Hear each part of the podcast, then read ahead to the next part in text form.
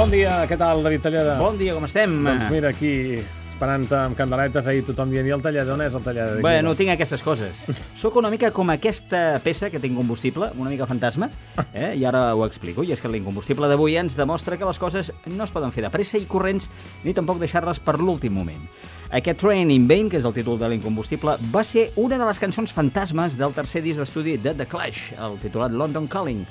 El quartet britànic, The Clash, la va compondre durant una nit, eh? per aquells que diguin no, és que necessito molt de temps per fer una cançó. Escolta, els The Clash en una nit van fer una cançó i la van gravar l'endemà al matí, mentre, això sí, la portada del disc i tota la informació que es va incloure a l'àlbum ja havia entrat a impremta.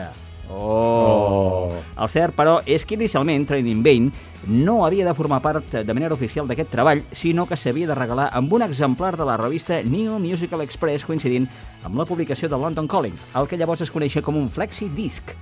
Flexidisc. Flexi disc, que Ui. podien ser de diversos colors, podien ser grocs, verds, vermells... Ara no se'n fan d'aquests. Sí, aquells que... Eh, jo encara en tinc algun per casa. Podies doblegar no gaire, però bastant. Exactament. Per això flexis, clar. Eh? Doncs va ser quan no es va arribar a un acord amb els responsables de la revista que els Clash van decidir posar-la al disc, però clar, llavors ja era massa tard per posar el títol de la peça als crèdits, amb la qual cosa els fans de la banda van estar molt de temps sense saber com s'anomenava realment. Era un disc de col·leccionista, doncs. Eh, és per aquest motiu que molta gent la va rebatejar amb el nom de Stand By Me, que és la frase que després sentireu més es repeteix al llarg de l'incombustible. Per Mick Jones, un dels components de The Clash i que va ser qui va compondre bona part de la cançó, es tracta, això sí, d'un tema d'amor que s'inspira en el clàssic Stand By Your Man de Tammy Wynette, tot i que és un amor amb un final no gaire feliç, ja que ens parla de pèrdua i de trencament de relacions, i aquí entren en escena els coneixedors de la història de la banda. Training Vain era, per ells, una rèplica a la peça Typical Girls del grup femení The Slits, no marranot. No marranot que té a veure, diguem-ne, amb la clenxa que separa els llavis. Val? D'acord.